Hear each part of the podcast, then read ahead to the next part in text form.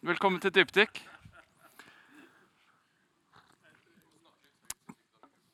Til dere som er her. Det er bra. Så du har sagt alt om at det er undervisning, tidlige grupper og sånne ting? Nei, ikke sant? Da ser du. Tar, ja, da tar jeg det.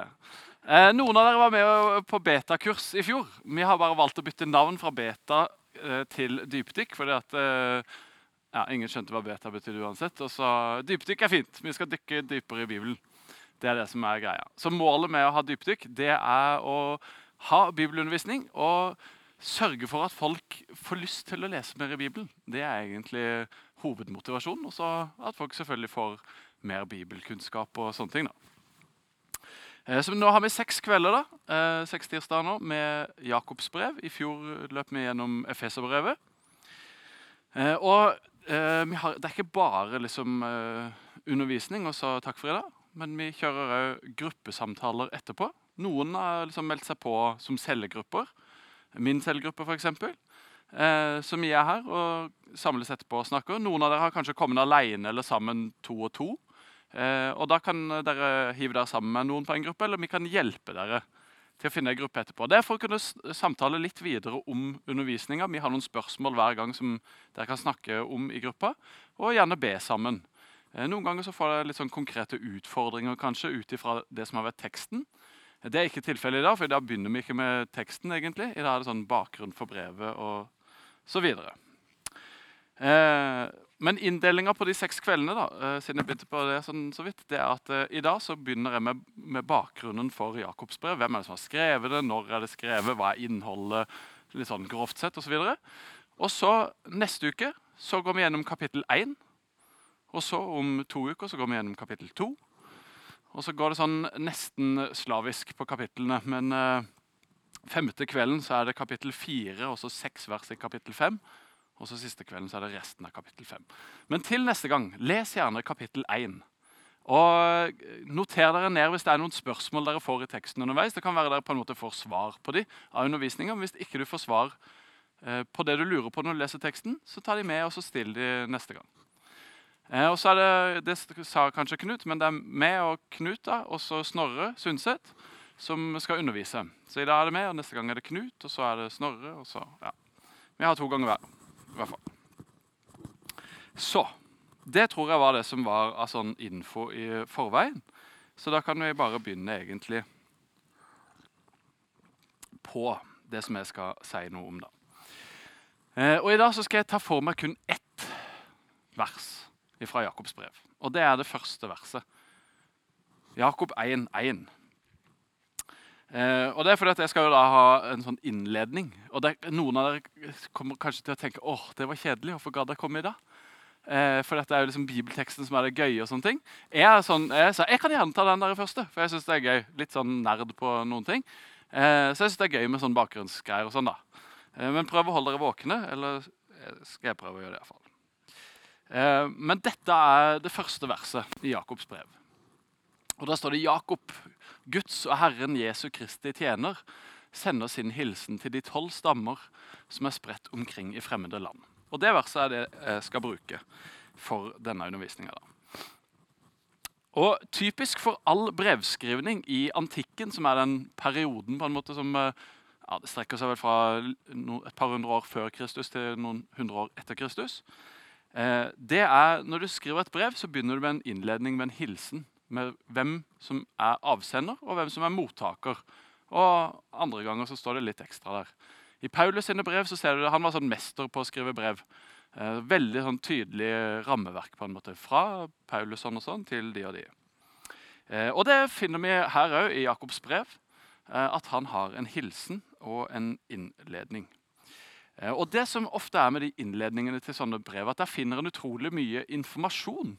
Som er veldig fort å bare skumme igjennom hvis den ikke synes det er så interessant. men har lyst til å finne hva sier bibelteksten til meg.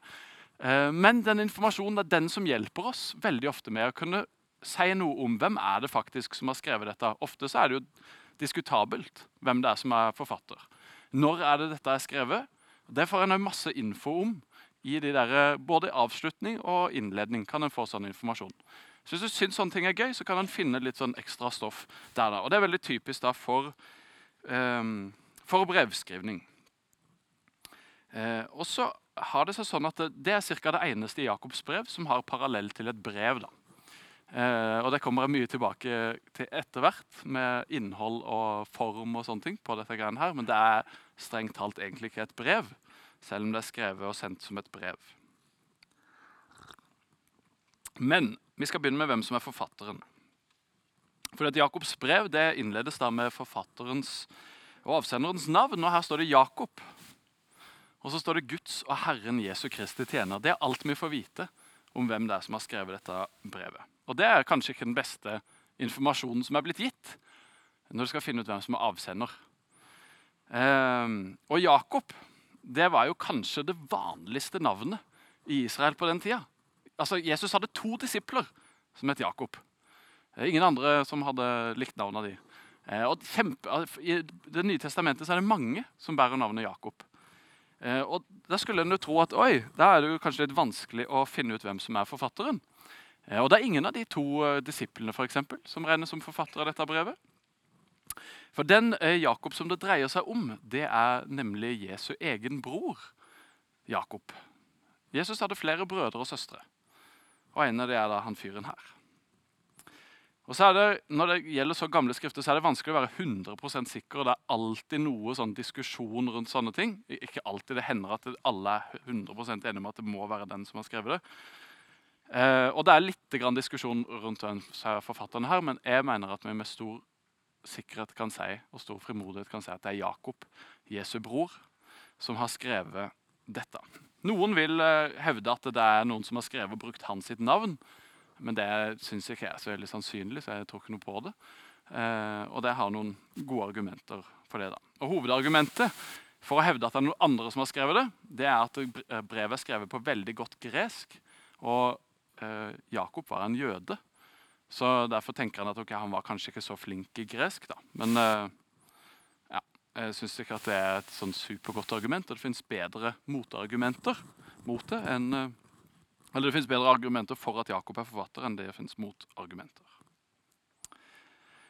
Men da foruten å være Jesu bror og Guds og Herren Jesu Kristi tjener, som eh, Jakob skriver sjøl i denne innledninga, hvem er han fyren her? Hvem er denne her Jakob? Og åssen kan vi med så stor sikkerhet si at det er han som er forfatteren? Når eh, Den hellige ånd kom på pinse, da, som vi leser om i apostlenes gjerninger, så står det at 3000 mennesker ble frelst og lagt til menigheten. Så Det fantes en liten menighet før det òg. Og lederen for den menigheten i Jerusalem, det var Jakob, Jesu bror. Og det er sånne ting som en vet. Eh, for det leser en om eh, flere andre steder osv. Så, videre. så Jakob han var med andre ord godt kjent blant kristenfolk på den tida her. For han var lederen for den første menigheten. Og det er jo gjerne sånn ledere de får et kjent navn. Du vet hvem det er. Og sånn var det med Jakob. Så Derfor var det ikke nødvendig for han å skrive mer inngående hvem, hvilken Jakob det dreide seg om. For det var på en måte opplagt for alle som mottok dette brevet. da. At å ja, det er han der sjefen sjøl. Ja. Det er han lederen i den menigheten. Det er ikke en av de der andre Jakobene som uh, kunne vært hvem som helst. Eh, fordi at det var liksom, altså Blant alle Jakobene så var det bare én som hadde autoriteten til Jakob, Jesu bror, lederen av menigheten i Jerusalem, til å sende et sånt brev rundt. Og Vi kan jo for gøy sammenligne litt med vårt eget trossamfunn, da, Misjonskirken Norge. for vi har Vår generalsekretær han heter Øyvind Haraldseid. Og I Misjonskirken Norge så har vi en del folk som heter Øyvind. Noen pastorer og andre typer ledere. Eh, og Øyvind Haraldseid han pleier å bruke etternavnet sitt altså når han sender ut brev. Men han kunne jo ha sendt et brev ut til alle menighetene våre. Eksempel. Og så ville vi ha forstått at okay, det kommer fra generalsekretæren. For det er han som har autoriteten til å sende ut et sånn type brev.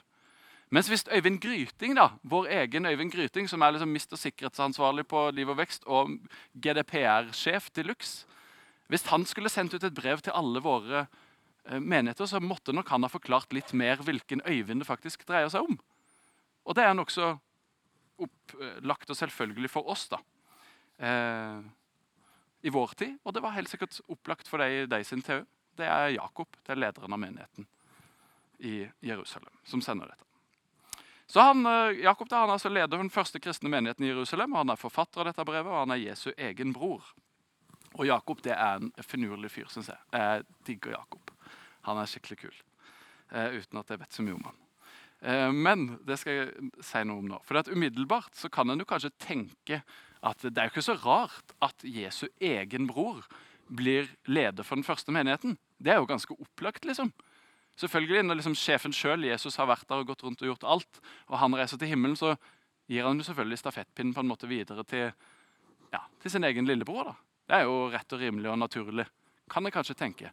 Men faktisk så er det jo kjemperart at Jakob blir den han blir, på en måte, og at han er den første lederen for menigheten. I evangeliene så hører vi veldig lite om Jakob. Han er nevnt noen få ganger, oftest sammen med brødrene og søstrene sine, og noen ganger med sin mor. Men han var ingen etterfølger av Jesus, i likhet med de andre søsknene. Han var en skeptiker. Han trodde ikke på sin egen bror. Og det er kanskje ikke så rart, det. da. Hvis du, du har en bror eller kanskje en søster eh, som du har vokst opp sammen med, og spilt fotball og gått på epleslang og bygd trehytte med, og så plutselig i en alder av 30 år så begynner din egen bror da å si du forresten, jeg er Messias, han som vi venter på. vet dere. Eh, og så begynner du å gå rundt og forkynne og gå imot den religiøse eliten i landet. Så begynner kanskje noen å tenke at ok, det har klikka for fyren. Og Det tror jeg var litt sånn tilfelle for Jakob og de andre søsknene. De holdt litt avstand og tenkte hva er det som skjer med Jesus nå? Har det streika for han liksom? Jeg vet jo godt hvem han fyren der er. Vi har jo vært sammen med pappa i snekkerverkstedet liksom, fra vi var små. Jeg har jo sett ham på nært hold. Og kjente nok at det var vanskelig å forholde seg til at Jesus plutselig skulle være den utkåra, den salvede, den som alle venta på. Og Derfor så er det jo veldig rart at plutselig Jakob har blitt leder for den første kristne menigheten. Det må jo ha skjedd noe med ham.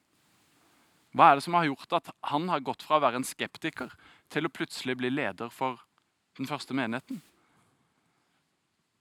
Og til å kalle seg sjøl Herren Jesu Kristi tjener. Han sier ikke 'lillebror til Jesus' liksom, eller noe sånt. Han sier at han er sin egen storebror sin tjener. Så det har skjedd noe med han. Han har blitt en helhjerta etterfølger, han som var en skeptiker. Han har gått all in på at hans egen storebror er Messias. Og Antagelig så måtte det et større under til enn å gjøre vann til vin for at Jakob skulle bli overbevist. Muligens så var Jakob til stede i det bryllupet der Jesus gjør vann til vin. Men antageligvis så måtte det en korsfestelse og en oppstandelse til for at Jakob skulle bli overbevist om at ikke det hadde klikka for storebroren, men at han faktisk var Messias, den som de venta på.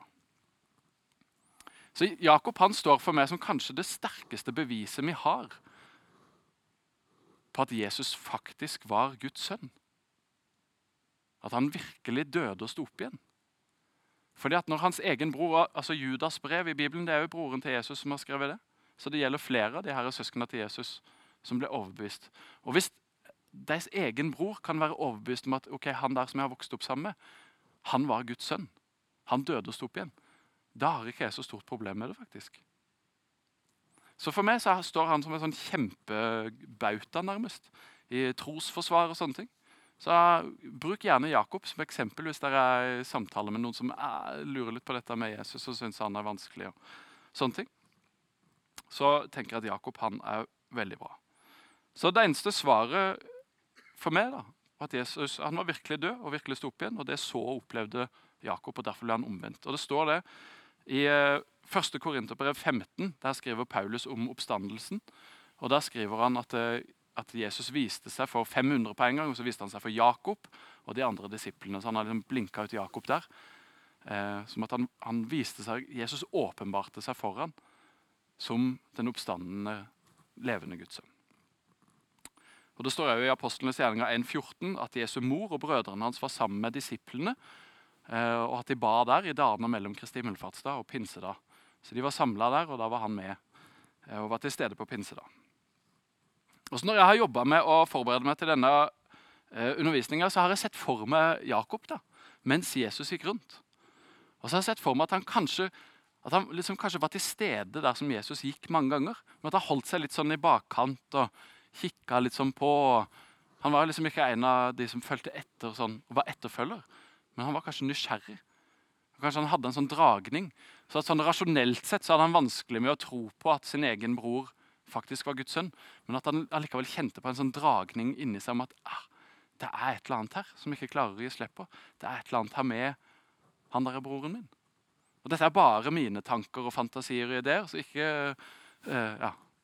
Det er ingen sånne smartinger som har funnet det på. Men jeg tenker at han kanskje gikk og kjempa litt med sånne tanker. Eh, og at han fulgte med litt på avstand.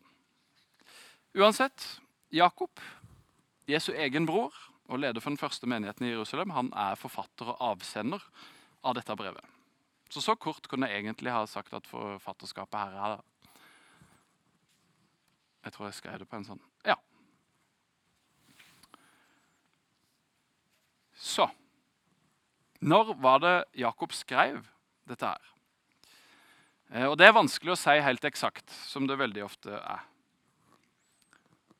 Ehm, men den jødiske historikeren Josefus han skrev om eh, i den samtida som de her folka levde på, og ga ut en samling. Og Han skriver at i år 62 så ble eh, Jakob steina til døde. Så han må jo naturligvis ha skrevet dette før år 62. Eh, og det er noen som vil si at et sted mellom 48 og 62 Eh, er en bra datering. Så slutten av 40-tallet eller begynnelsen av 50-tallet. eller noe sånt. I eh, år 48-49 så var det et sånn apostelmøte som vi kan lese om i Apostlenes gjerninger 15. Og Kanskje han skrev det brevet rett etter det apostelmøtet. Det har noen sånn likhetstrekk eh, med hverandre. i hvert fall. De som hevder at Jakob ikke er forfatter, de vil, altså at noen har brukt bare hans navn, de vil hevde en senere datering, kanskje rundt sånn år 70-80. Um, og Et hovedargument mot å tenke en sånn sein datering da, det er at eh, når en leser Jakobs brev, så er det utrolig mange paralleller til det som Jesus lærte og sa. Eh, og Det var en veldig tydelig sånn muntlig Jesus-tradisjon i den første menigheten. De fortalte ikke sant, om Jesu lære og hva han gjorde og hva han sa osv. Men det var ikke noe som var skrevet ned enda. Så Evangeliene de ble skrevet på 60-70-tallet. Men Jakob har ingen henvisninger skriftlige henvisninger eller direkte avskrift fra evangeliene, så han kjente ikke til evangeliene når han skrev dette. Så, og hvis, hvis, det er skrevet så seint som 60-70, som noen vil hevde, så hadde garantert Jakob, eller den som da skrev i hans navn, brukt henvisninger fra evangeliene. Eh, men det fins ikke. Men det fins utallige eh, henvisninger til Jesus sin undervisning. Og det er jo ganske interessant. Eh, tenker jeg. Og Det kommer jeg mer inn, til, eh, inn, på etterpå. Så datering sånn slutten av 40- eller 50-tallet. Det betyr jo at det er et av de eldste skriftene som vi har i Bibelen. hvis den dateringa stemmer. Så er det mottaker. Hvem er det som eh, Jakob sender brevet til? Ja, da var den med datering. Eh, de som er mottakerne, det eh, sto jo i begynnelsen her at var de tolv stammer som er spredt omkring i fremmede land. skrev han. Og det fantes jøder i områdene i landene rundt Israel.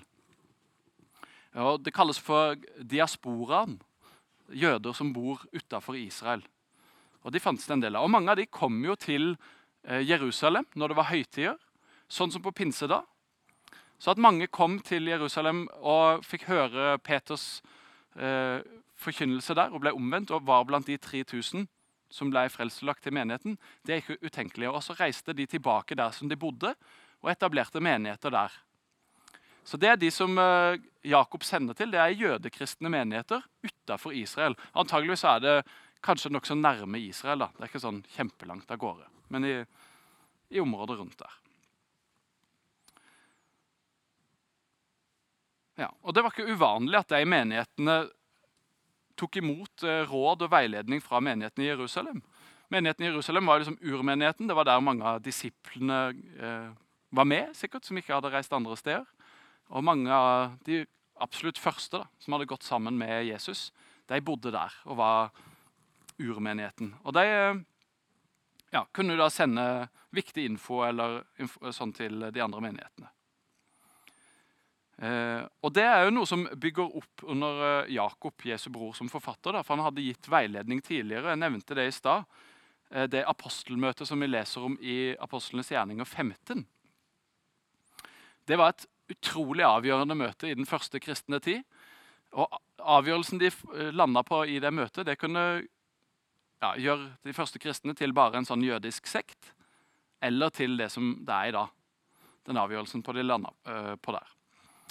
Uh, og Spørsmålet som det dreide seg om på det apostelmøtet, som eh, Paulus og de fikk med seg til apostelmøtet, det var om hedninger, altså ikke-jøder, om de var nødt til å bli omskjært og på en måte bli jøder før de kunne bli kristne. Eller om de bare kunne bli kristne uten å bli omskjært og følge Moseloven og bli jøder. Og De som var veldig tydelige jøder fra før, og sånn, de kjempa selvfølgelig for at selvfølgelig så må de bli jøder. De må jo bli sånn som oss, og de må bli omskjært av de tinga der. Eh, og så var det noen andre som hevda at nei, nei, nei. Hvorfor skal de måtte begynne med alle de der tinga som vi driver og stresser oss med? Eh, de må jo få lov å ja, ikke å slippe det. Eh, og så landa de heldigvis på det. da. Det står jo så fint i, der at uh, Den hellige ånd og vi har beslutta at eh, ikke dere trenger å bli omskjært, men at dere skal følge noen få enkle eller små regler. Eh, og det var sannsynligvis eh, mest av hensyn til de jødekristne som var i menighetene der fra før. Um, ja, men heldigvis så slipper vi å bli omskjært og alle de tinga. fordi at uh, omskjærelsen som gjør, den finner sted på hjertet og ikke på kjøttet på kroppen vår. Men den er noe som skjer inni oss. Og så er vi blitt forent med jødene. Vi er blitt poda inn på treet de sitt, og vi er blitt ja, et folk sammen med dem eh, ved Guds nåde. Så vi trenger ikke å gjøre alle tinga og følge alle buda og reglene. og sånne ting. Men her, der, etter det apostelmøtet det er da Jakob skriver at Den hellige ånd og vi har beslutta. Og så skriver de hva de har landa på, og så sender de det ut til menighetene rundt de som hadde spørsmål. Og Barnabas og de tar det med seg tilbake til menighetene der og forteller at nei, dere trenger ikke bli omskjært, men supert at dere følger Jesus, og at dere ikke gjør det og det og det. Lev vel, står det til slutt. Det syns jeg er så deilig at uh, Jakob skriver. Så For de av dere som har skrevet 'lev vel' på slutten av brevet, og sånt, så er det henta fra Apostlenes gjerninger 15. Ja. Og det er han som har på en måte det avgjørende ordet i det ordskiftet. Da. Og det sier jo litt om hans posisjon. Og Så ser vi da jo noen sånne likheter med Jakobs brev og det han skriver, eller det de blir enige om å skrive i det brevet. Uh, så det er jo med å bygge opp under uh, at ja, det er Jakob som er forfatteren av Jakobs brev. Går det for fort eller for seint eller noe sånt? Er det greit? Det er fint. Mm. Litt om eh, stil og innhold. Som jeg sa innledningsvis, så Jakobs brev det presenterer seg sjøl som et brev i starten, med den vanlige innledninga. Eh, men etter det så mangler det alle tegn på å være et brev. Eh, og Jakobs brev er i grunnen mer en tale. Det er, det er veldig muntlig språk.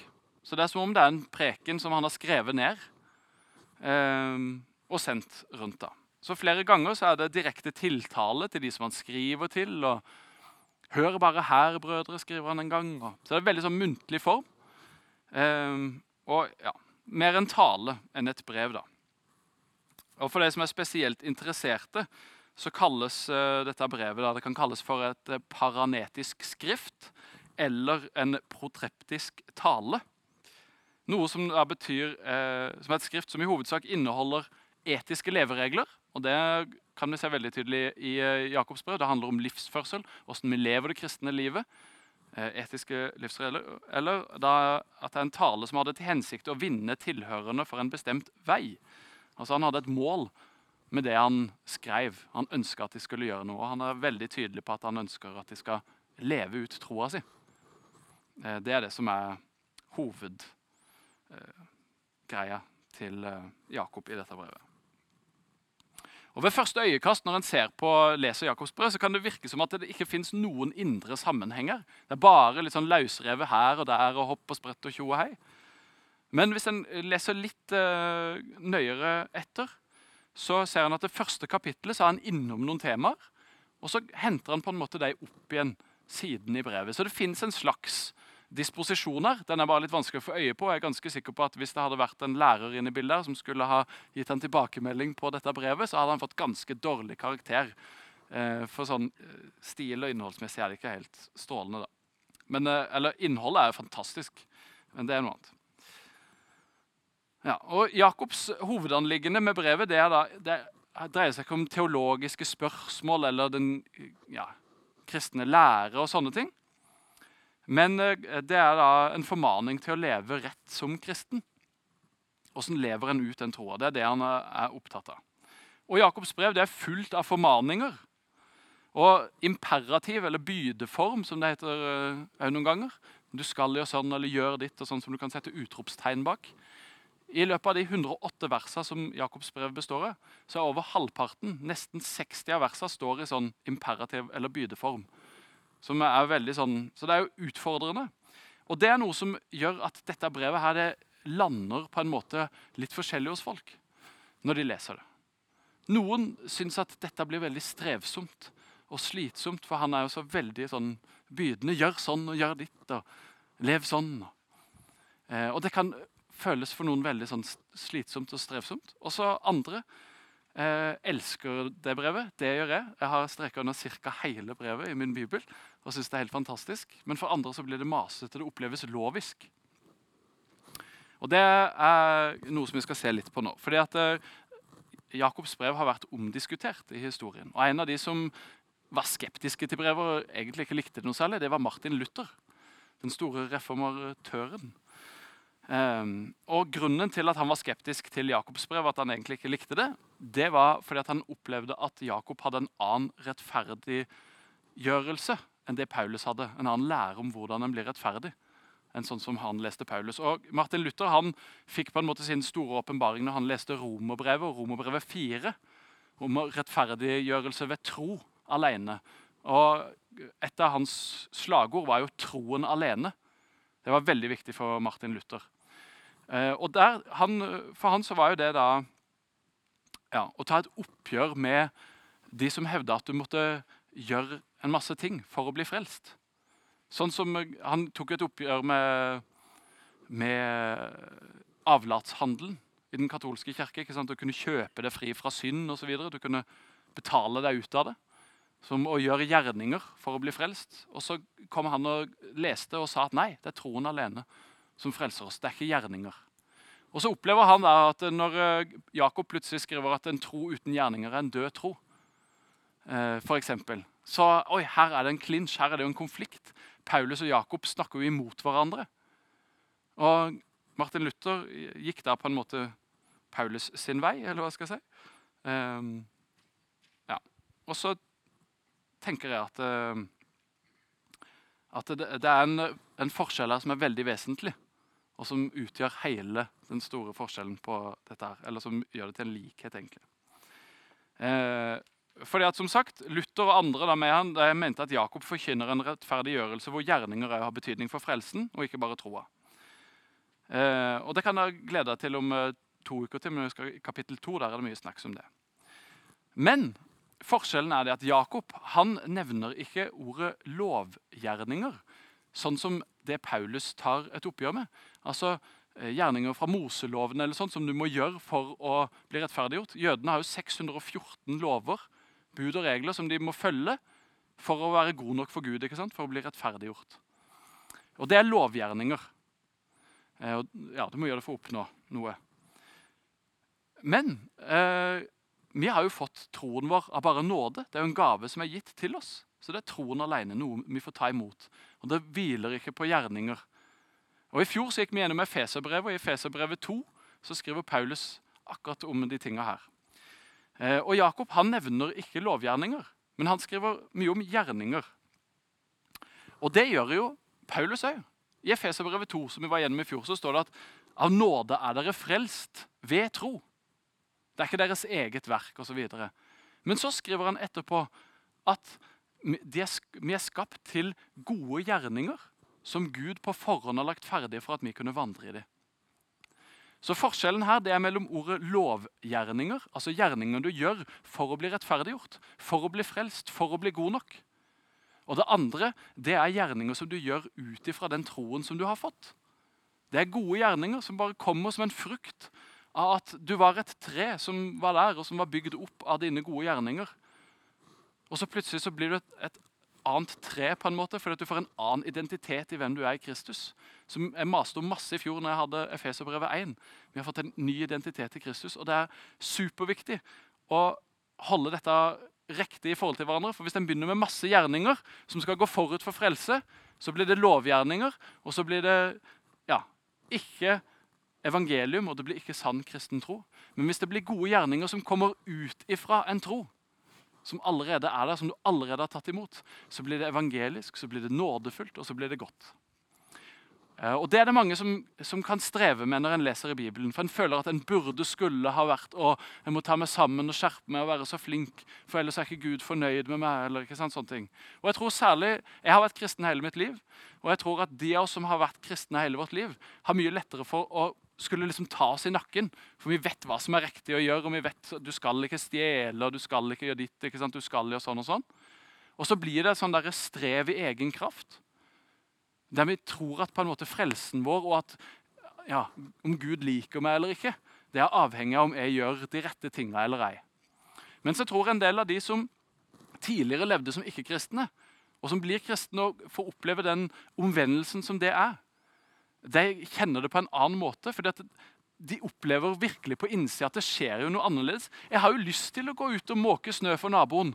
Det er ikke noe jeg gjør fordi jeg tenker at da blir Gud fornøyd med meg. Men det har plutselig skjedd et eller annet på innsida som gjør at jeg får lyst til å gjøre gode gjerninger. Og Det er jo det som er hele Jakobs greie òg. Altså, Troa gjør noe i vårt indre som gjør at vi får lyst til å bære god frukt. Et godt tre bærer god frukt, snakker Jesus om. Eh, så dette er helt på linje med både Paulus og Jesus. Og Jakob er på linje der. Så det handler ikke om gjerninger som en skal gjøre for å ta seg sammen og for å bli frelst, men det handler om gode gjerninger som kommer ut ifra den troen som en har fått i gave. Så En blir ikke noe mer eller mindre frelst pga. de der gjerningene en gjør, men det er en naturlig konsekvens av den nåden som en tar imot. Yes. Og Det er altså Jakobs hovedanliggende det er akkurat dette med å, å, gjøre og ikke bare høre. Å ha gjerninger som kommer ut fra den troen. En tro uten gjerninger er en død tro, sier han. Og Det er da de der gode gjerningene som skal komme som et resultat, som en frukt. Så det handler altså ikke om frelsen, men det handler om det kristne livet om åssen en lever som en kristen etter at en har blitt frelst. Ikke åssen en lever for å bli frelst eller for å oppnå noe eller for å være god nok. Og Det kan være litt vanskelig å få øye på hvis en blir for opphengt i det her gjerningen og alt høres strevsomt ut. Men det er altså ikke lovgjerninger det dreier seg om, men det er gode gjerninger som flyter ut av det nye livet og den nye identiteten som en får i Kristus.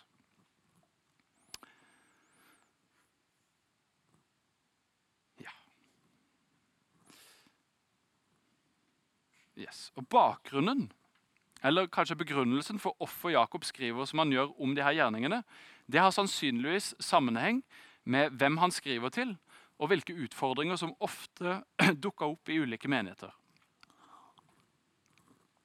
Eh, fra Paulus sine brev da, så kan vi finne veldig mange sånne konkrete utfordringer som en menighet har, som han adresserer veldig tydelig og spesifikt.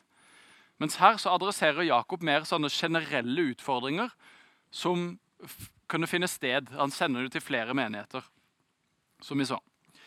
Eh, og For de jødekristne, da, som er de som eh, Jakob henvender seg til, så fantes det ofte to grøfter som de hadde en tendens til å havne i. Og Den ene grøfta det var loviskhet, der de liksom skulle gjøre alle de rette tinga og var tilbake på en måte til lovgjerningene. og sånne ting. Eh, og Det er ikke det han adresserer, men Galaterbrevet, for eksempel, som Paulus eh, skriver, der er han veldig opptatt av loviskheten. Dere har blitt fri fra alle de der tingene der. Hvorfor driver dere og roter dere tilbake i det der, eh, ja, lovgjerningene? Kutt ut med det der. Grip tak i nåden, liksom. Så det er den ene grøfta av fall i, det er loviskhet. Og så er det den motsatte grøfta av fall i, og det er lovløsheten. Der en er liksom frelst av bare nåde, så det spiller ingen rolle hva jeg gjør. Jeg kan leve akkurat som jeg vil. Mine valg og mine prioriteringer og mitt liv, åssen jeg velger å leve det, det har ingen betydning, for jeg er frelst av bare nåde. Så gjerninger har ingen betydning. Og det er lovløshet. Og det er det som Jakob tar et oppgjør med. For det er jo en grøft å havne i. Så det er loviskhet, og så er det lovløshet. Eh, og det er da ja, lovløshet. Og det er derfor han skriver som han gjør òg, på en måte. Det er derfor han er så på har nesten 60 ganger med bydeform. Lev nå et liv som er etter den troa som dere har fått. Det har noe å si hvilke valg du gjør, eller åssen du lever ut livet ditt. Den nye identiteten som du har fått i Kristus, den skal gi seg utslag på et vis. Det er ikke bare å rote rundt og gjøre akkurat som du sjøl vil. Men den relasjonen som du har fått med Jesus, den skal være med å prege deg og skal gjøre at du har lyst til å gjøre det gode. Eh, og Vi som leser dette i vår tid, vi kan jo havne i de to samme grøftene. Med loviskhet, og der vi syns det er strevsomt å lese eh, Jakobs brev, for det høres så lovisk og tungt ut. Eller vi kan havne i lovløsheten, der det spiller ingen rolle hva jeg gjør. For Guds nåde, den ja, Jeg blir tilgitt uansett. og Det har ikke noe å si. Eh, så når vi leser vår bibel, så kan vi òg bli farva og prega av de her tankene og strømningene. du skal kalle det.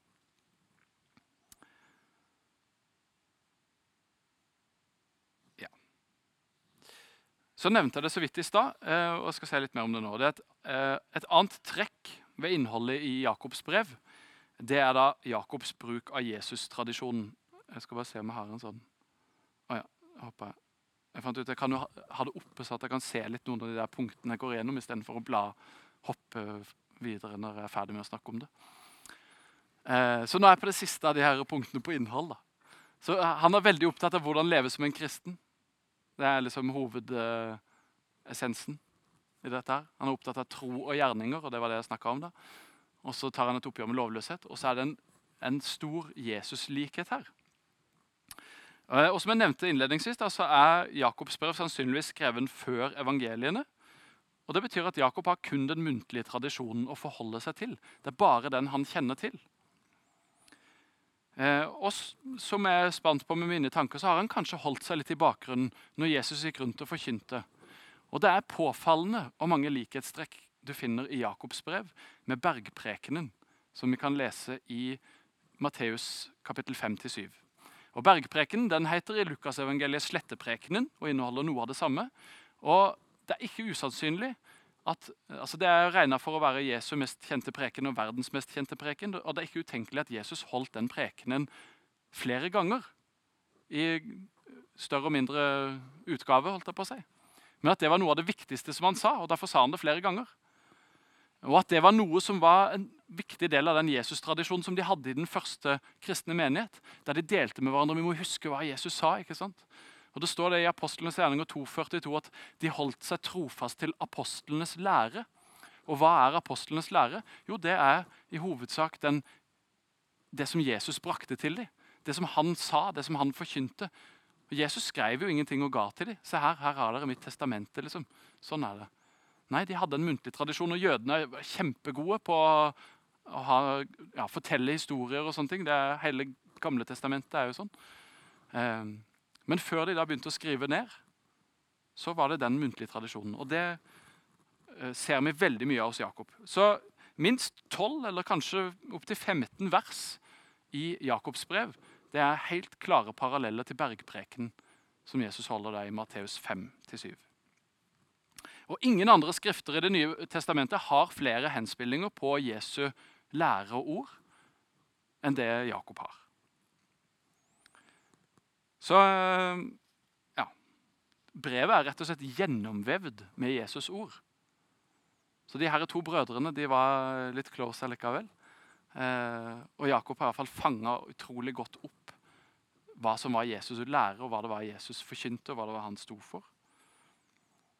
Eh, og Dette er jo noe som det er med og bygger opp under at, eh, ja, at det var en tydelig tradisjon rundt den historiske Jesus som de delte med hverandre, og at det er skrevet før vi fikk evangelienedtegnelsene.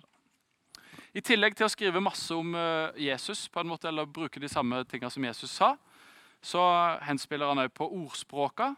Og en del andre, han har en del andre referanser til eh, Det gamle testamentet, men særlig ordspråka. Og så et par sånne jødiske visdomsbøker. Jødisk visdomslitteratur som han òg henspiller på. Så han eh, bruker på en måte det som var kjent for dem, når han skriver dette brevet. da. Eh, og Som nevnt så inneholder ikke brevet kristne læresetninger. Det var ikke det som var hans sitt mål eller hensikt med dette brevet. Og Det gjelder for flere av skriftene som er i Det nye testamentet. Det var ikke det som var hensikten og målet. Eh, ja, men han hadde om kristen livsførsel. Og som jeg sa i stad, så var de opptatt av å holde seg til apostlenes lære. Så det var liksom opplest og vedtatt at de første kristne de visste hva det var de trodde på. på en måte. For det var det de fikk forkynt, det var det de snakka om når de var samla. Det var den muntlige tradisjonen som de delte med hverandre. Det var grunnlaget for ja, er sin tro. Så Jakob han skriver med en forutsetning om at dere vet jo hva det er som er si, trosgrunnlaget vårt. da. Eh, og Han skriver det jo noen ganger i, gjennom eh, brevet. Så, så, kommer det på en måte eh, si, automatisk eller plutselig inn i teksten noen sånne grunnleggende trossannheter. da, Uten at det er det som er hans sin, eh, hensikt.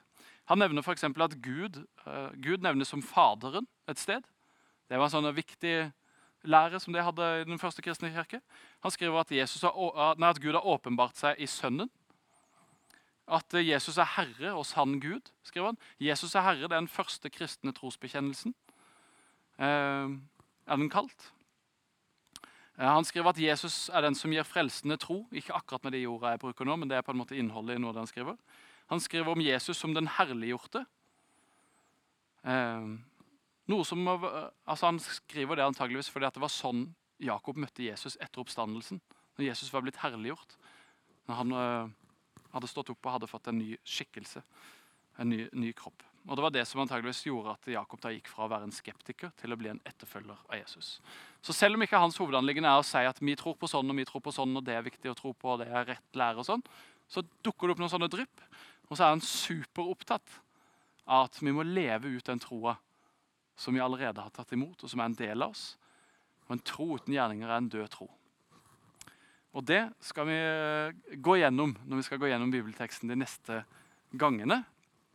Men for å ta en oppsummering til slutt så eh, Oi, må jeg ikke få se spørsmålet enda.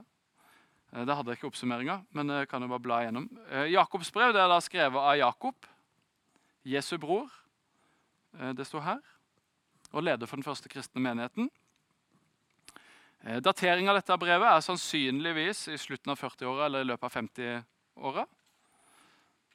Mottakerne av dette brevet det er da jødekristne menigheter utafor Israel. Eh, og Stilen den er da mer i retning av en tale enn et brev. Veldig muntlig språk.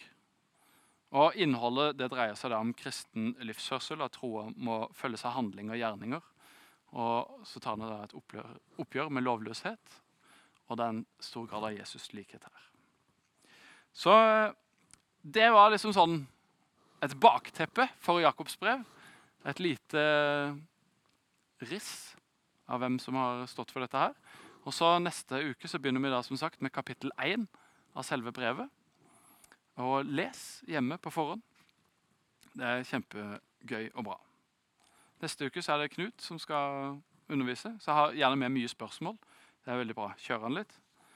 Eh, hardt. Men er det noen av dere som nå har spørsmål til det som jeg har sagt?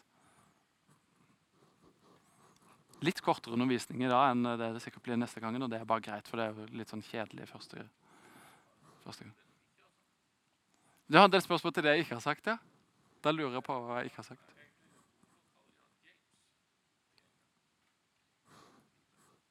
Ja, eh, er det noen uh, James, du er jo engelsk. Du må jo kunne svare på dette her. I will translate. Why do you call him James in your English Bible? Ja. Godt spørsmål. Jeg vet ikke hva det riktige navnet er på hebraisk eller arameisk, eller hvilket språk som det navnet er fra. Ja. Så hvem av oss som har riktig? Men det er jo sånn På svensk så heter Peter Petrus, liksom. Og det er jo egentlig bedre, på sett og vis, for det er nærmere det greske. Men eh,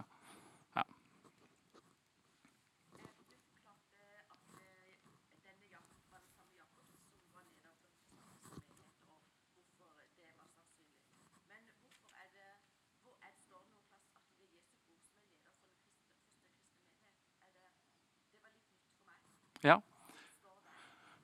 Ja, akkurat uh, uh, ja, Om det står akkurat uh, i et bibelvers, det skal jeg jammen ikke si 100% sikkert. Men det er i hvert fall altså sånn av tradisjonen, eller av det som de visste, så er, det, så er han Jesu bror. Og Han er jo omtalt noen ganger som en av brødrene til Jesus. Og Det står et sted at navn på flere av søsknene til Jesus, der det står Jakob og Judas og ja, noen av de forskjellige. Men Snorre vet du, han er et leksikon. Ja, 212.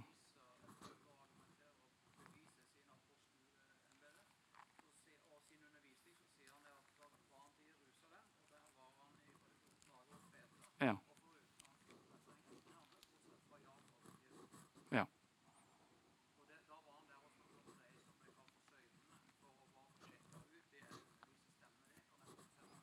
Mm.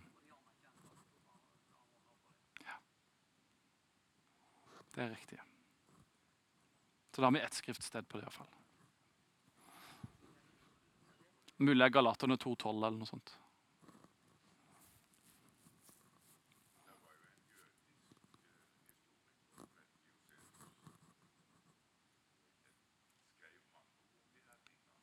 Ja, Det var han jeg nevnte som skrev at uh, han var blitt steina i år 62.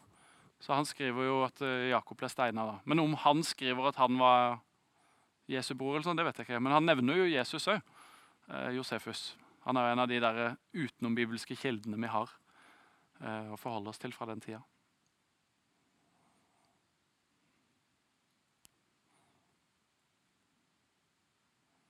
Mm -hmm.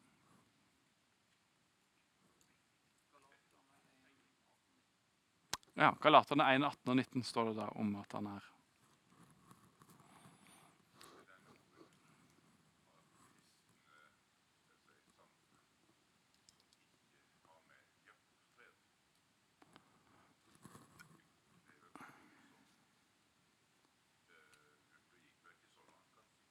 Nei, jeg tror, jeg tror, han har det med, han òg. Jeg har sett en sånn oversikt på de ulike kanoniseringene som fins rundt forbi.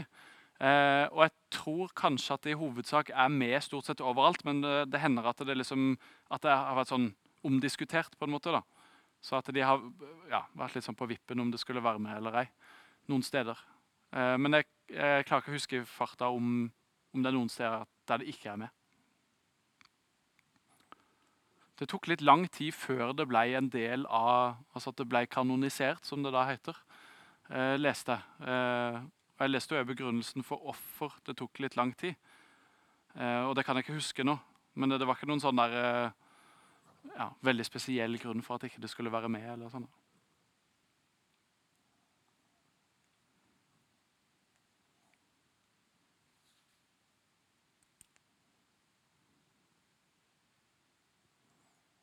Ja.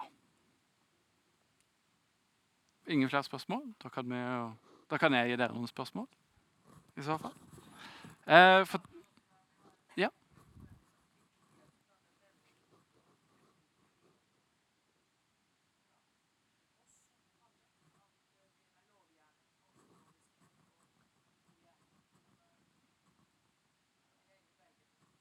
Mm. Ja, det er superavgjørende. Og det eh, Martin Luther, paradoksalt nok, sa at mennesket er Altså vår default mode, for å bruke et sånn der, uh, dataspråk. holdt jeg på å si. Uh, vår naturlige innstilling jeg, det er religiøsitet. da. Så vi havner veldig fort i å gjøre ting og putte ting inn i en boks. Ja, det er dette som er riktig å gjøre, og ja, At det blir lovgjerninger. da. Så vi må på en måte hele tida jobbe imot det på et vis. fordi at nåden er liksom så mye mer uhåndgripelig og vanskelig å holde fatt i på et vis. Uh, så, men det er superviktig. Og det er jo et utall av kristne som har ja, og som strever med de tinga. Og har strevd med det. Så få oppleve den friheten i at ok, er, alt er ferdig, alt er gjort klart, og så kan jeg leve ut ifra den friheten. Det er ekstremt viktig. Og Det ser en i særlig i Paulus' undervisning. Det er sånn helt gjennomgående. Han maler ut i det vide og det breie alt vi har fått i Kristus. hver eneste gang, Og så sier han etterpå lev da ut den troa. Og Det er på en måte det samme Jakob gjør her. Han bare tar for gitt at de vet hva det er de, at de er frelst ved nåde, og at det, det er troen alene på en måte som har frelst dem. Men lev ut den troa som du har fått. Eh, men fra et riktig ja, grunnlag, da. Perspektiv.